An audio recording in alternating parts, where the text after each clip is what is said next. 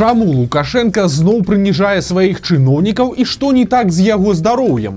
Як яго прапагандысты саромеюцца самі сябе? І што за небяспека ў апошнія дні з'явілася на беларускіх вуліцах? Вітаем сябры. Гэта наша ніва і зараз мы ўсё вам раскажам.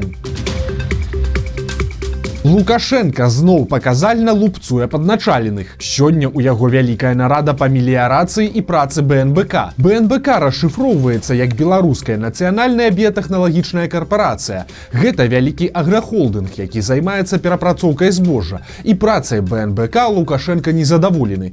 Кампанію праверыў камітэт дзяжкантролю і знайшоў праблемы са збытам, што значыць і праблемы з фінансавымі паказчыкамі. Але галоўны разнос здарыўся на пытанні пра меліярацыю сітуацыю.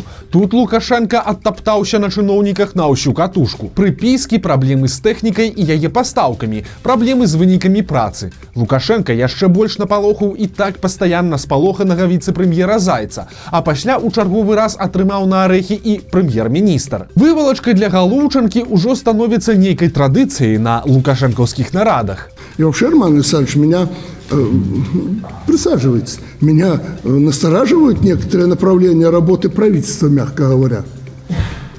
По принципиальным вопросам вы провалили эти поручения. Это что, практикой становится правительство? Это недопустимо. Со мной это не прокатит. Дарэчы, звярніце ўвагу, што Лукашенко вельмі асіплы. Ён амаль хрыпіць, адчытваючы галоўчанку. Александр, ну 13 уголовных дел и 10 человек уволено по дискредитирующим обстоятельствам. Идеально. Ну, пока не могу доложить. Ну вы наказали, уволили. Они уже в частных структурах сидят в три раза больше зарабатывают и над вами посмеиваются. Невозможно такое? Возможно. Возможно. В этом стиле вашей работы. Мы вот тут решение приняли. А там, там что? Это, Роман Александрович, называется временщики. Здавалася б, ну хрыпіць і хрыпіць, але ў мінулы раз падобныя праблемы з голасам у лукашэнкі былі ў май. Тады ён таксама захрыпеў на нейкай нарадзе. Пасля быў відавочна хворым на парадзе ў Маскве, а затым увогуле знік амаль на тыдзень. Толькі калі падняўся розгалас, лукашэнку ўсё ж паказалі, але ў відавочна кепскім стане і з нейкай павязкай на руцэ. Ну а вынік нарады можна падсумаваць так. Не можаш рашыць праблему, крычы, што ўсіх трэба пасадзіць. Ведь год назад я поручал провести инвентаризацию мелиоративной техники, принять все необходимые меры по ее восстановлению, ремонту и сохранности. Когда будет результат? Если э, с апреля месяца не начнут работать траншеи-копатели, эти все, которые там должны быть на учете, это вам задача всех посадить. Публично вас предупреждаю.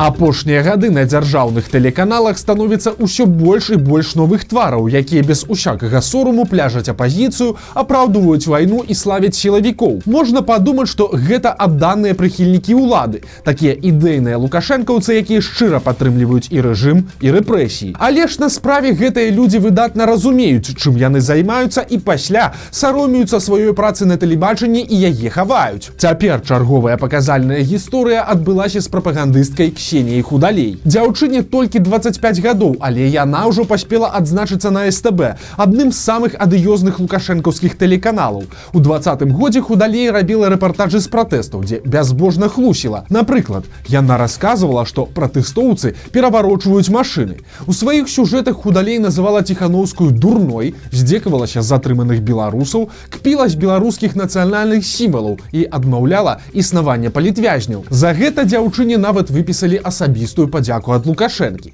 У 22 годзе ксенія худалей пераключылася на тэму вайны. Стыль праўда застаўся той жа. Дзяўчына называла бучу і факты масавых забойстваў украінцаў фэйкамі, пужала лабараторыямі пентагона і распаўсюджвала іншую расійскую лухту. Але ў снежні 22 года худалей зрабіла свой чарговы рэпартаж і знікла. Падобна, што яна сышла з тэлеканала і адметна, што цяпер ксенія сарамліва хавае падрабязнасці сваёй былой працы. Мы адчу адшукалі яе профіль у сацыяльнай сетцы LinkedIn. Худалей там хваліцца, што скончыла курсы па інтэрнэт-рэкламе. Падобна, што цяпер яна хоча знайсці працу ў IT-сферы. Там жа яна піша, што мае вялікі вопыт працы журналістам. Вось толькі чамусьці сарамліва не кажа, які канкрэтна гэта вопыт і дзе ён быў напрацаваны. Чаму яна так робіць? Адказ, напэўна, усім і так зразумелы. Адзінае, што тут можна дадаць, гэта парада будучым працадаўцам. Калі на вашу вакансію адгукнулася сімпатычная маладая дзяўчына з журналісцкім мінулым, то на ўсякі выпадак пагугліце яе імя і прозвішча, бо магчыма, цяперашняя рэкламшыца яшчэ нядаўна без усякіх згрызотаў сумлення рэкламавала рэпрэсіі і вайну. У розных культурах ёсць персонажы, якія спрабуюць сапсаваць ці скрасці раству. На захадзе гэта грынч. Вы можа бачылі пра яго мульцік, фільм альбо нават чыталі кніжкі. Ёсць такі персонаж і ў Беларусі. Праўда, тут ён, на жаль, не выдуманы, а цалкам рэальны. Гэта сумна вядомая грудзінская даносчыца Вольга Бондрава. Яна ўжо ваявала з Санта-клаусам, называючы яго ЛГБТ старыком. А цяпер узялася і за святочныя песні. Бондарова і яе аднадумцы абурыліся музыкай, якая грае ў беларускіх беларускіх гандлёвых цэнтрах падчас навагодніх святаў. Маўляў, чаму уключаюць заходнія кампазіцыі, калі ёсць рускамоўныя савецкія песні. Абураныя аматары савка нават напісалі адпаведны зварот у міністэрства культуры, да якога далучылі спіс правільных на іх думку песен. Хутка мінкуль даслаў свой адказ і паведаміў, што чыноўнікі склалі спіс кампазіцый, які будзе рэкамендаваны да прайграння на святы ў публічных месцах. Праўда, якія канкрэтна там будуць песні невядома, таму Бондарова на ўсякі выпадак за загадзя бесіцца. А ну як у плейліст пракрадзецца варожы джингл Беллс. Дык што тады? Але тут адказаць можам і мы. Тады Вольга вам прыйдзецца гэта сцярпець. Толькі учора мы рассказывалі пра трагедыю ў віцебску. Там жанчыну забіла снегам, які упаў на яе з даху. Цяпер аналагічныя гісторыі здарыліся яшчэ ў двух гарадах. У гомелі на дзяўчыну упаў кавалак льда з даху будынка. Пацярпелая рассекла галаву, але на шчасце яна выжыла. Цяпер дзяўчына знаходзіцца ў бальніцы з чэрапна-мазгавой траўмай і гематомамі. А ў магілёве глыба снегу абрынулася на 53гадовую жанчыну. Яна таксама засталася жывая, але ж таксама трапіла ў бальніцу. Так што, калі ласка, будьце уважлівыя і асцярожныя на вуліцах свайго горада. Таксама пацяпле Пацяпленне прывяло да таго, што лёд на рэчках, які і так не паспеў схапіцца, стаў яшчэ больш ненадзейным. Але гэта не стрымлівае беларускіх рыбакоў і вынік такой рыбалкі вельмі сумны, нярэдка і трагічны. Толькі за апошнія суткі на віцебшчыне пад лёд праваліліся чатыры чалавекі. Дваіх паспелі выцягнуць, але двое мужчын патанулі.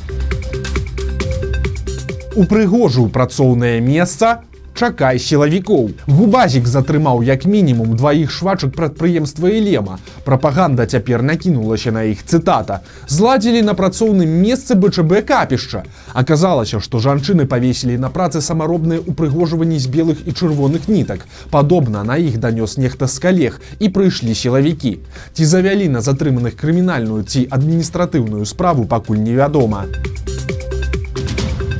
чарговага беларуса пасадзілі за данаты. 31гадовы часлаў кананович адправіў 10 пераводаў палку каліноўскага на агульную суму ў 1200 беларускіх рублёў. Скончылася гэта кепска. Мужчыну затрымалі завялі крыміналку і цяпер судзілі. Вырак жорсткі 5 гадоў калоніі. А ў грудні далі гіганцкі тэрмін беларускі якая вярнулася на радзіму з польшчы александра каско прыехала ў беларусю пачатку года. Яе хутка затрымалі і спачатку кінулі на суткі а пасля завялі крымінал крыміналку па цэлым шэрагу артыкулаў. Сярод іх і абраза лукашэнкі і распальванне варожасці і саудзел экстрэмізму. Цяпер каско прысудзілі 10 гадоў калоніі. Праваабаронцы прызналі жанчыну палітычнай зняволенай. Чарговы хапун адбыўся на гомельшыне Затрымана як мінімум чатыры чалавекі, трое мужчыны дзяўчына. На відэа людзі прызнаюцца ў падпісках на экстрэміскія каналы, а адзін з затрыманых таксама кажа, што пакідаў каментары пра сілавікоў і лукашэнку. Цяпер падобна на мужчыну завядуць крымінальную справу, а астатніх хутчэй за ўсё чакаюць штрафы ці суткі. Незвычайная прапанова рукі і сэрца. Усё адбылося ў самалёце, які ляцеў з Масквы ў мінск. Проста ў палёце пасажырка зрабіла прапанову свайму каханаму. Вядома, што пара ўжо даўно разам і яны нават маюць агульнае дзіця, але ж не жанатыя. Цяпер жанчына вырашыла гэта паправіць. Калі яе каханы ляцеў у мінск, яна таксама цішком узяла квіток на той жа рэс і зрабіла вось такі сюрпрыз. Мужчына, дарэчы, пагадзіўся.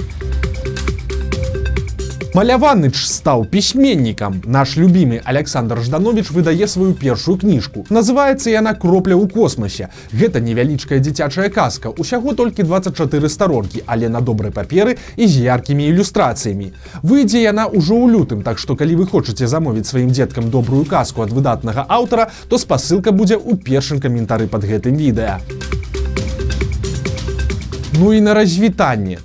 Трохі посміхніцеся. Вось такая курыца стала сапраўднай зоркай. Завуць яе нупс. Праз кляшчу птушка страціла пальцы на лапах і ёй цяжка хадзіць. Але ж гаспадары вырашылі пытанне арыгінальна, зрабіўшы для нупс маленькія боцікі. Відэа курыцы ў ботах імгненна завірусілася ў інтэрнэце. Яно стала настолькі папулярным, што многія гледачы пачалі дасылаць курыцы новыя пары мікраскапічнага абутку. У выніку нупс цяпер мае цэлую калекцыю ботаў, у якой аж больш за 60 пар. Вось такія навіны аўторка. Падпісывайцеся на канал, стаўце лайки альбо дызлайкі і выказвайце свае заўвагі ў каментарах. І канешне, чытайце нашу ніву, глядзіце нашу ніву і любіце Беларусь. Да сустрэчы заўтра.